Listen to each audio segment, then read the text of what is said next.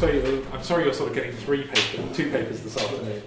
What, what, I, what, I, what we've just agreed is that I'll, if I talk for about 20 minutes, then we'll have um, about 15 minutes left for discussion. So I'll go through some of this very briefly, and some of it I'll just ignore altogether. Um, so, in terms of the core meaning of justification, what, what, what is part of the, what is integral to the concept of justification? I've given three main points here. First of all, is that justification in Paul is primarily focused on the, the present dimension of what God has already done for believers. That is to say, if, we, we're talking as we were a minute ago about the already and not yet, then justification for Paul belongs very firmly in the already part of what God has achieved for us.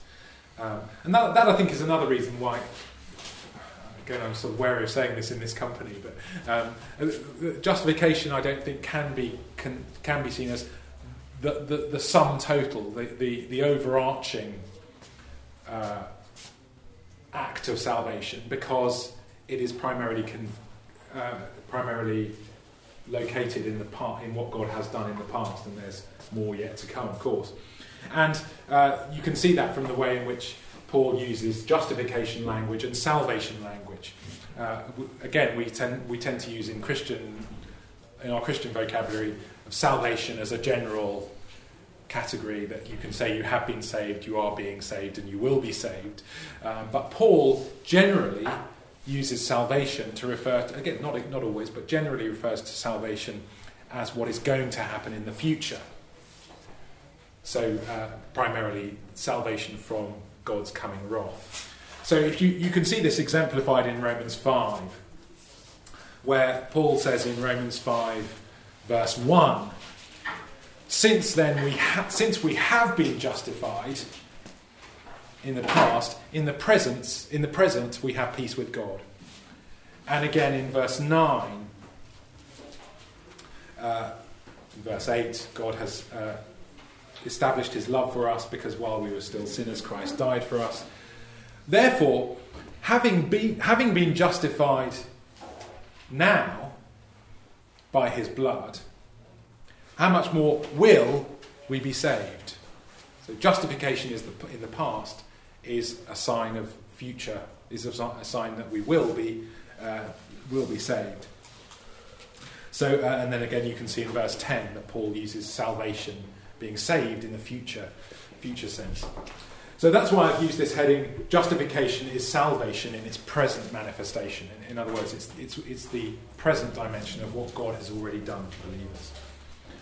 And uh, I think you can see as well in, in this passage from Isaiah, there are others that one could note, uh, the way in which justifi- God's righteousness, God's dikaiosune, God's justification, um, the same word, are, are, is, is used in this passage and elsewhere uh, in parallel with one another. So justification, God's righteousness, uh, is, is uh, closely related to God's salvation.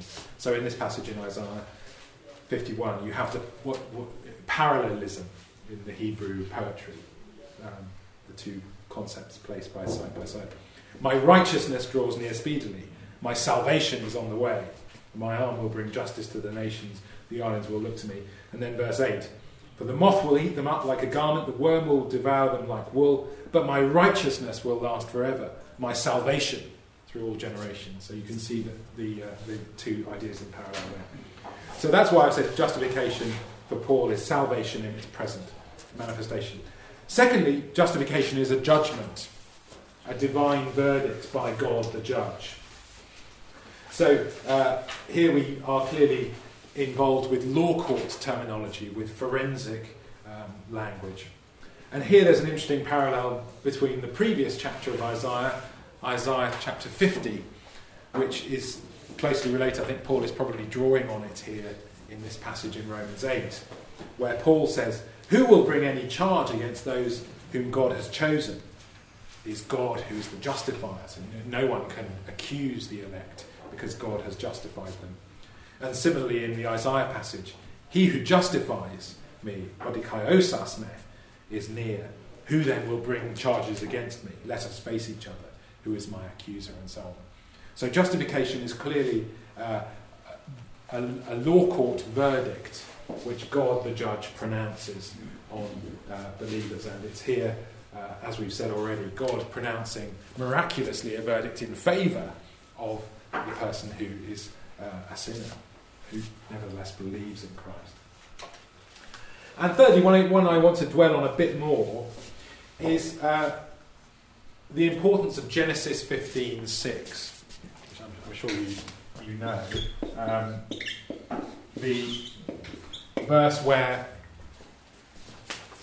it, it's written, Abraham believed God and it was credited to him as righteousness.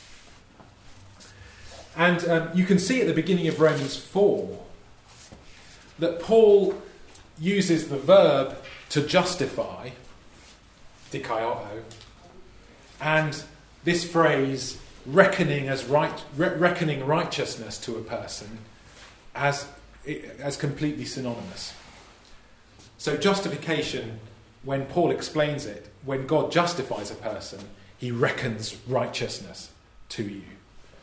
Uh, and so let's, let's uh, explore that uh, a little bit. The verb that Paul uses to reckon, to credit, or uh, to logizo in Greek, uh, suggests the language of accountancy, of bookkeeping, financial arrangements. Uh, so when when Paul uses the language of God reckoning righteousness to Abraham, it's God giving Abraham righteousness in his account, uh, in his in his uh, uh, in his in his uh, account of, financial language. So Paul both uses forensic law court language in talking about justification, as well as this more financial language, this language of credit and debit. So, uh, when God justifies a person, according to Paul, it's not just that the person is innocent and forgiven, but it's also that uh, this um, to put it crudely, we have um, a, a, good credit, good lot, lots of money in our account. You know? um, again, I'm sort of putting it slightly crudely, but that's part of that's part of the imagery that Paul is using here. Um, not, which is not to say a, a, at all that God just sort of deals with us in a financial um, way. So, what is this status of righteousness which, according to Paul, God credited to Abraham? Well, this is where we go back, I think, to Deuteronomy 6, verse 25. What is righteousness there? Well, uh, Deuteronomy 6, verse 25, I've already um, talked about it a bit before. But there, uh, Moses says that if we are careful to observe every commandment which the Lord has commanded us to do before Him, then that will be our righteousness. So, righteousness is the status that God gives in the law when a person has done everything which God requires.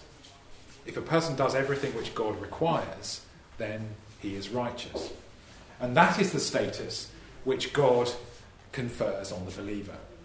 That's the status which God grants to Abraham. Now, of course, the, the, the strange thing here, of course, is that uh, the, the main point that Paul is making is that he grants this status of righteous precisely to people who haven't done it. Uh, and so that's the, that's the, uh, the miraculous, sort of counterfactual side of justification for Paul that God justifies the ungodly. God justifies those who have faith, precise, even though they haven't done every commandment which God has commanded them to do before Him. But God justifies people anyway through faith. And uh, so that's one of the, one of the key points that Paul uh, is making in Romans 4, verses 1 to 8. So I just want to go through briefly uh, Romans 4, verses 1 to 8. And I just want to refer you briefly to the last handout.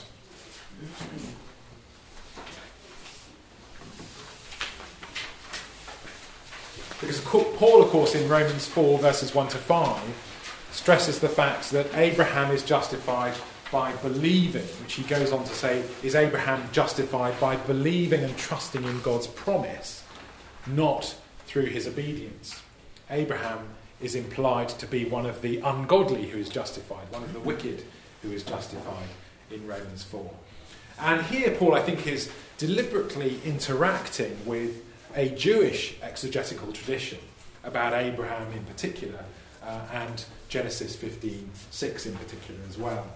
So you can see from some of these uh, passages in Jewish literature that there was a very much more positive view of Abraham's obedience. That Abraham was reckoned to be righteous, Abraham was reckoned to be a, to be a friend of God, Abraham was found faithful because of his obedience to God, because of his perseverance in trials, because of his endurance, and uh, these various um, instances of Abraham's faithfulness to God being the, uh, the, uh, the means to him being justified.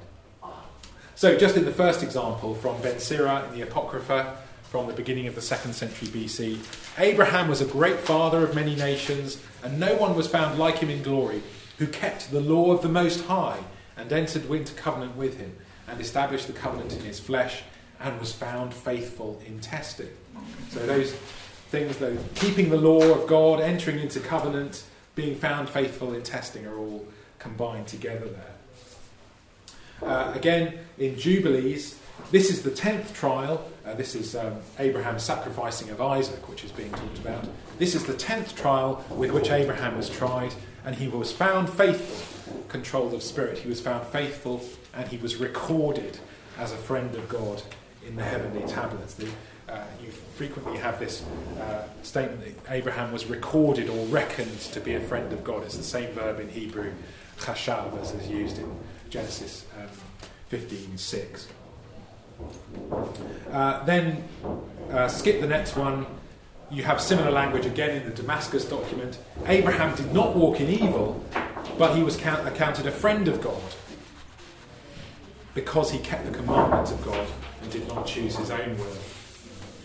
And then, uh, just finally, this next one from 1 Maccabees Was not Abraham found faithful in temptation, and it was reckoned to him as righteousness? So there you have a, a good statement of uh, one of Paul's rough contemporaries saying, answering the, answering the question, why was Abraham reckoned as righteous? Why did God reckon righteousness to Abraham? Well, it was because Abraham was faithful in temptation. No, Paul says, it was because he trusted God's promise. And so Paul is disagreeing with this uh, exegetical tradition here. Um, so one of the key things that Paul draws attention to, I think, is that Paul is very interested, very much more interested, uh, and very much more particular than these Jewish writers about the order of events in Abraham's biography. So, if you remember, uh, in Genesis 12, God calls Abraham and makes, the, and makes a promise to him about his descendants and so on uh, and tells him to go. And then in Genesis 15, uh, Abraham is justified. It's, it's, Abraham's believing in God is reckoned to him as righteousness. Then in Genesis six, uh, Genesis 17,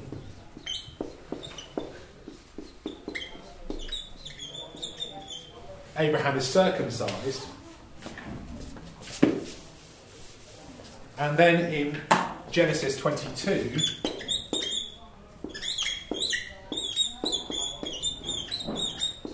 Genesis 22 is the offering of Isaac.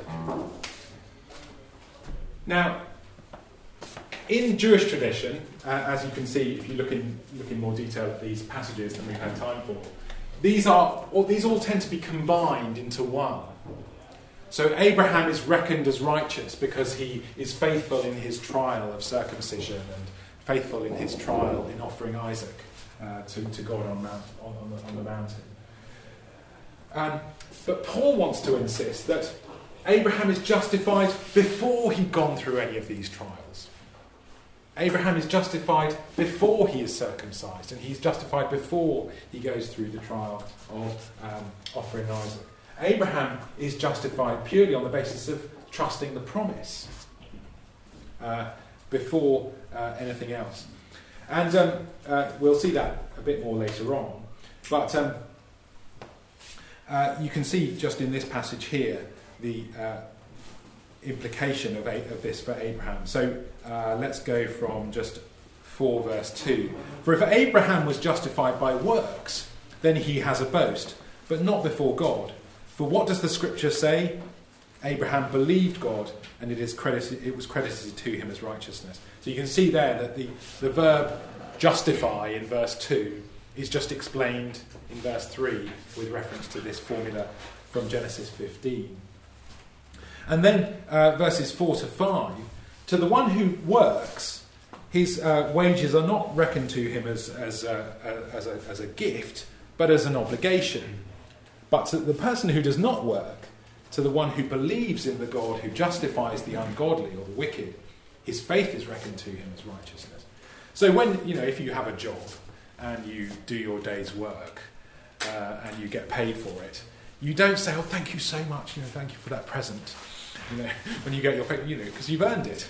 Uh, and that's, that, that's, the, that's, that's the view that Paul expresses in, in verse, four, verse 4, the view that he's disagreeing with.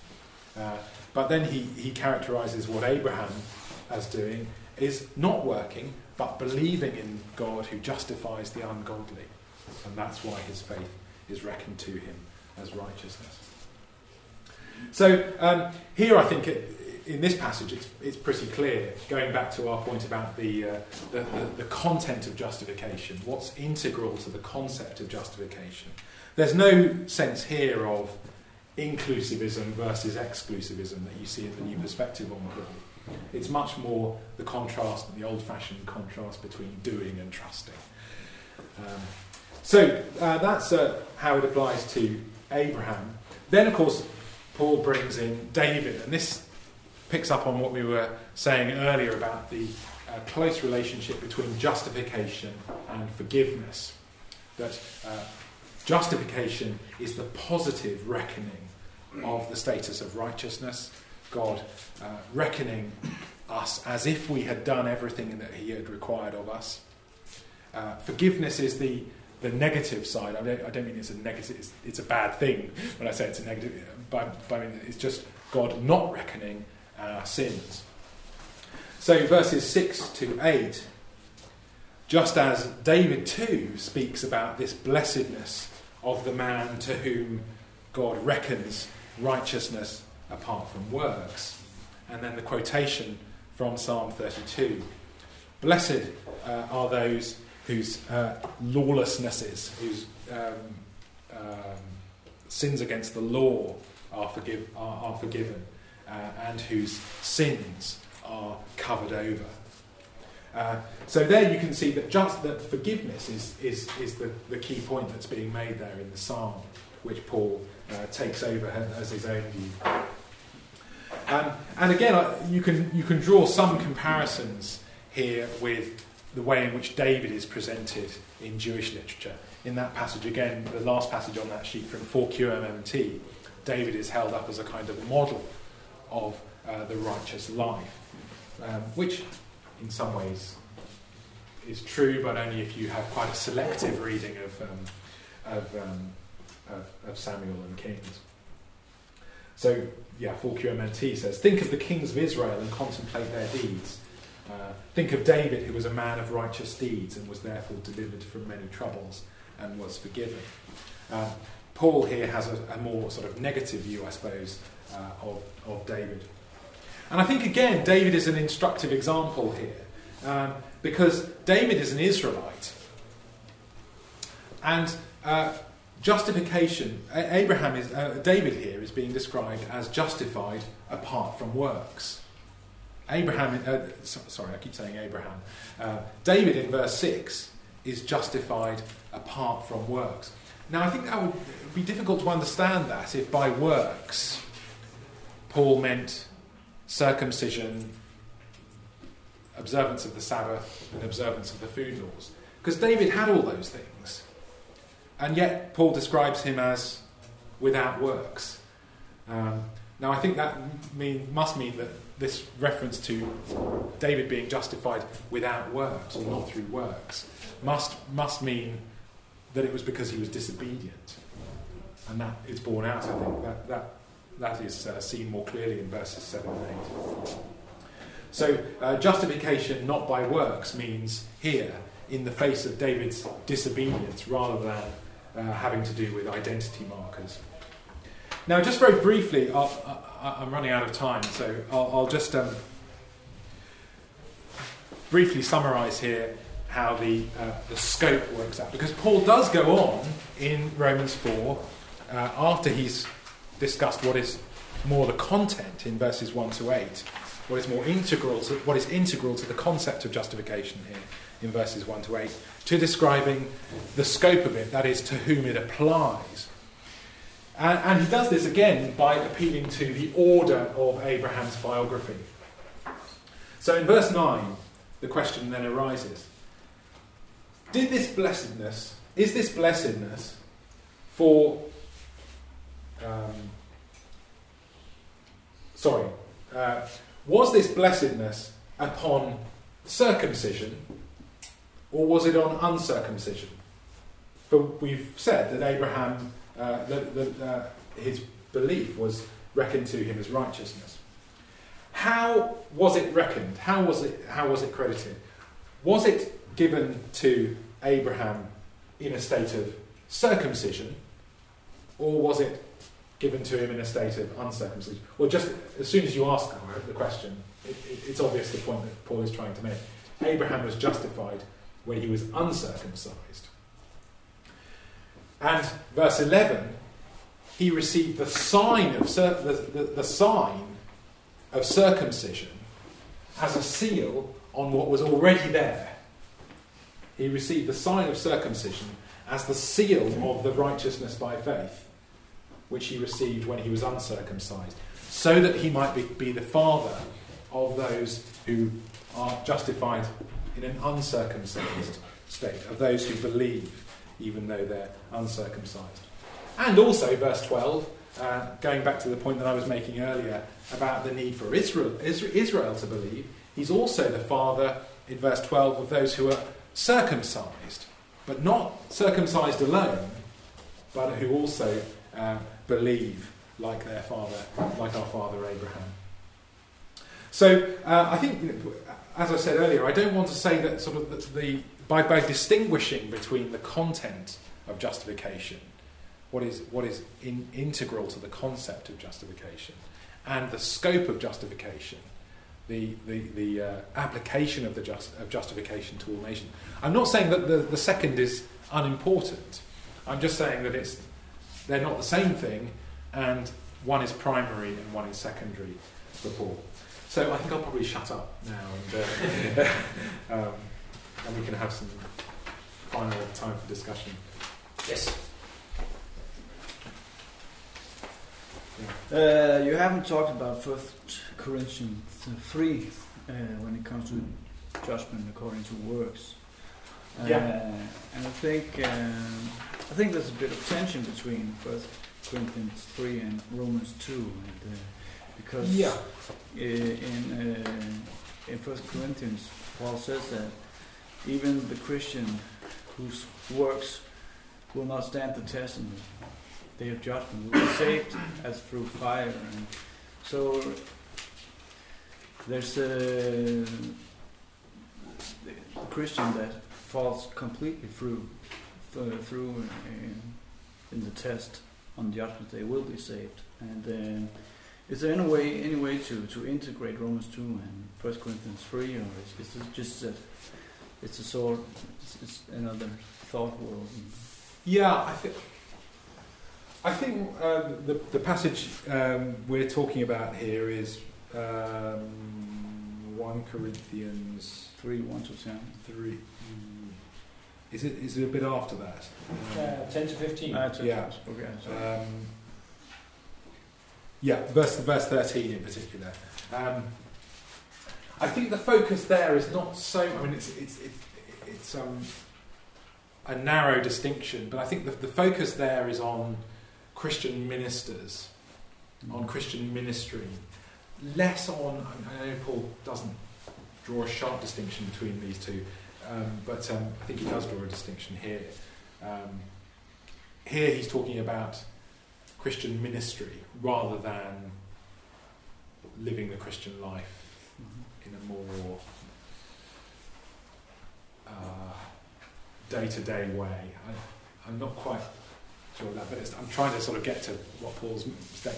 He, he's saying that, it, that, that those whose uh, whose ministries are built on built on sand, that um, they their work won't survive into into eternity, and so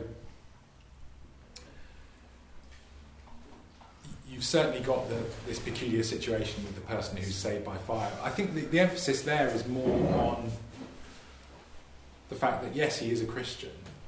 Uh, the, the minister is a Christian, but the minister did not conduct his ministry in a way that was honouring to God, and uh, and so the fruit that appeared in his ministry was only superficial and so it won't survive. But he will be saved through the flames, you know, just. um, yeah, we are studying in the wrong profession then. yes. Yeah, that's why James says, you know, be careful that you. Uh, yeah, yeah. Exactly. If you presume to be a teacher. Yeah. Okay.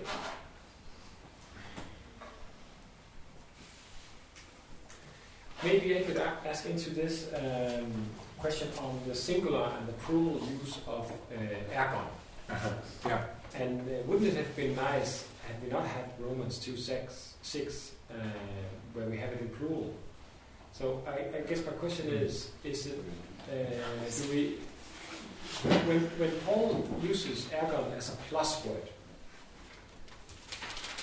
Uh, yeah. Do you feel there's a difference between the single and the plural? Or, um, I know it's a point that Peter is making. that uh, normally when Paul uses uh, ergon as a positive word, it's, in singular. Who makes that point, Pete? Uh, Saint Pete. Oh, Saint Pete. well, normally I'm not, uh, but yeah. Which the works of law, they are always plural. Yeah. Yeah. And, uh, well, yeah. And often he talks about the, the, the fruit of the Spirit. It's uh, singular. Yeah. It's a singular, but um, of course there are exceptions. Yeah. And the one that sort of the, the exception that leaps to mind is Ephesians 2 verse 10 where um, for we are God's creation created in Christ Jesus, epi ergois agathois, you know, for good works. And, and, so, um, but I think there's something in that. I think I think there's something in your point there that that. Um, um, yeah, I, mean, I certainly agree with you that erga nomou are just pretty much plain negative, at best, at best neutral. where, where would you find it even neutral? Well, I think it's neutral in the sense that, in the sense that Paul doesn't think that for Israelites to observe the law is a bad thing. He, he, he doesn't think that. Um, it's, it's more that Paul thinks it's impossible than that. I mean, I don't think Paul. I mean, Bultmann took the view that doing itself, you know, doing, actual doing is bad. Um, because, because doing is trying to get God in your debt. Um, and, and, I don't think Paul is, I don't think Paul has a negative view of doing. Um, and, and, so, um, but, I think. But, but could we tra- translate or refer to what Paul says in Romans 2 uh, 13 about the doers of the law will be justified. Mm-hmm.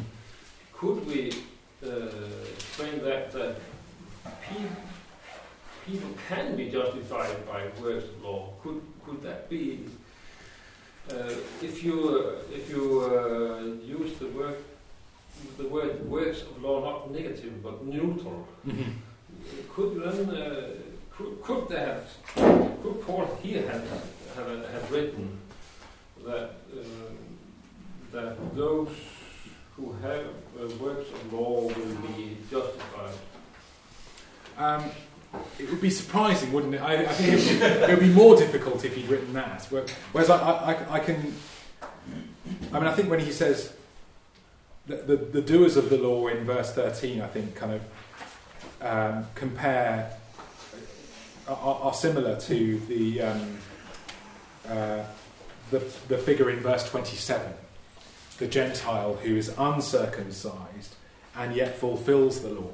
Yeah. Because Paul does have this does have this view. I mean, despite everything I've said um, in the last three hours, um, Paul does still think that in some sense Christians fulfil the law. Uh, I mean, Romans eight verse four is a very clear statement of this. That um, the righteous requirement of the law is fulfilled in those who live not according to the flesh, but according to the Spirit. And the, the, the, the, best explanation of this I've seen is um, in a book by Stephen, Stephen Westerholm, who uh, is a good, good Lutheran. Um, have you come across his. Well, the first book is called Israel's Law and the Church's Faith.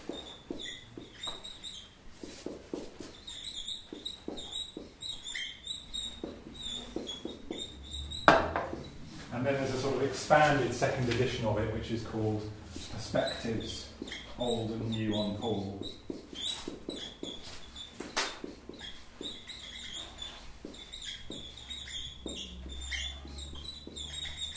And I, I, think he's, a, he's an excellent interpreter of Paul, actually. I agree with almost everything that he, he's, I learned a lot from him. Um, and his view is that when Paul talks about the fulfillment of I mean, the, the, the, the, main point that comes across, of course, is that Paul says that Christians fulfill the law, but they do it without setting out to.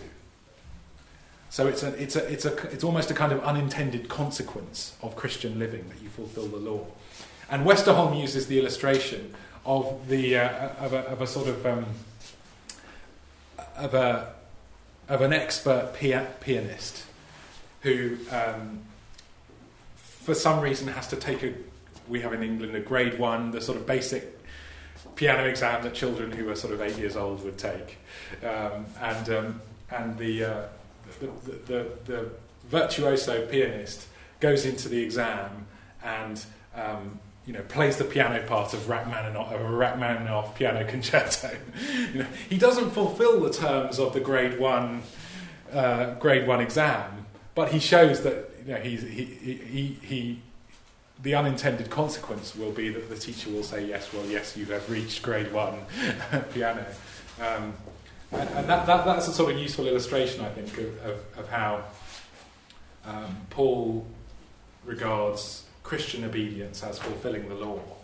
Um, because, I, because I presume he, he thinks that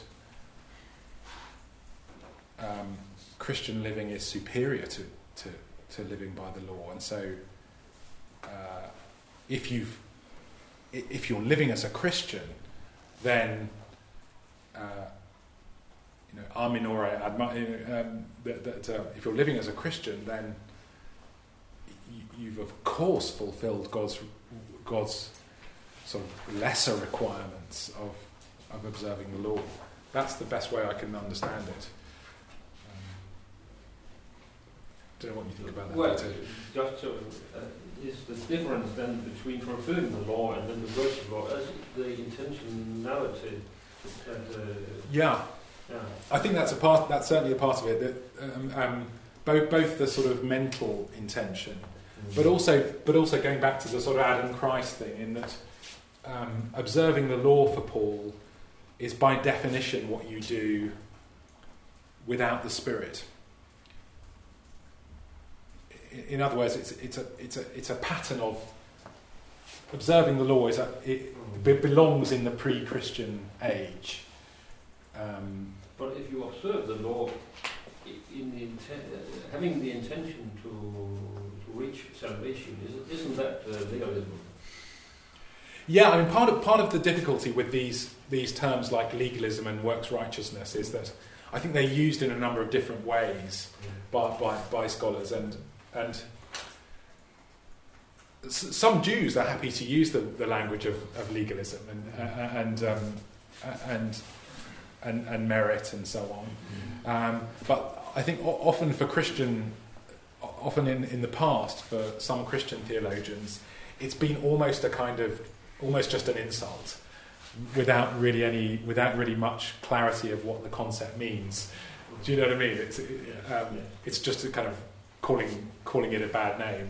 Um, but um, yeah, if, if by legalism you mean observing the law as a means to salvation, then then yes, Yeah. Jews in the Second Temple period were legalistic. Yeah, yeah.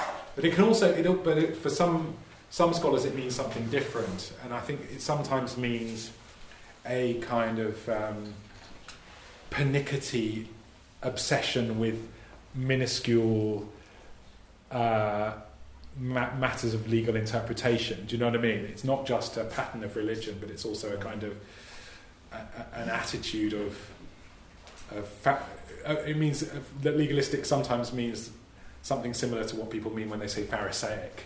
Yes. Um, yeah. I asked because you were in the morning, then they, you, you uh, criticized the traditional way of uh, Right. looking at the, the- saying that works of law is not to be understood as legalistic, but as a neutral.